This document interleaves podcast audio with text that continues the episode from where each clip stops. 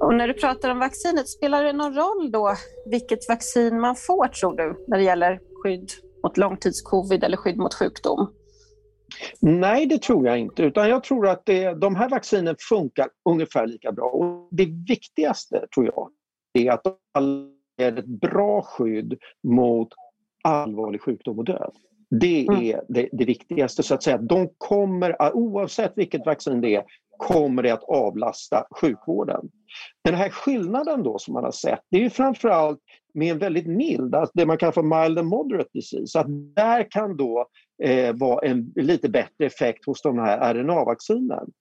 Men eh, den kan man ju diskutera hur liksom kliniskt relevant det är i och med att det belastar ju faktiskt inte sjukvården.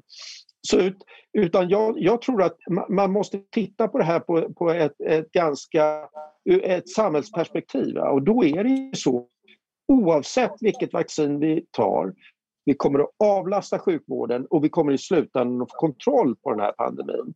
Och jag tycker det bästa exemplet hittills det är ju faktiskt det som görs i Israel där man har vaccinerat igenom jag tror man är uppåt en 50-60% av befolkningen. Man ser en väldigt kraftig sänkning av Eh, belastningen på sjukvården. Man ser, man ser inte lika mycket infektioner längre och det talar för att det här är faktiskt vägen ut.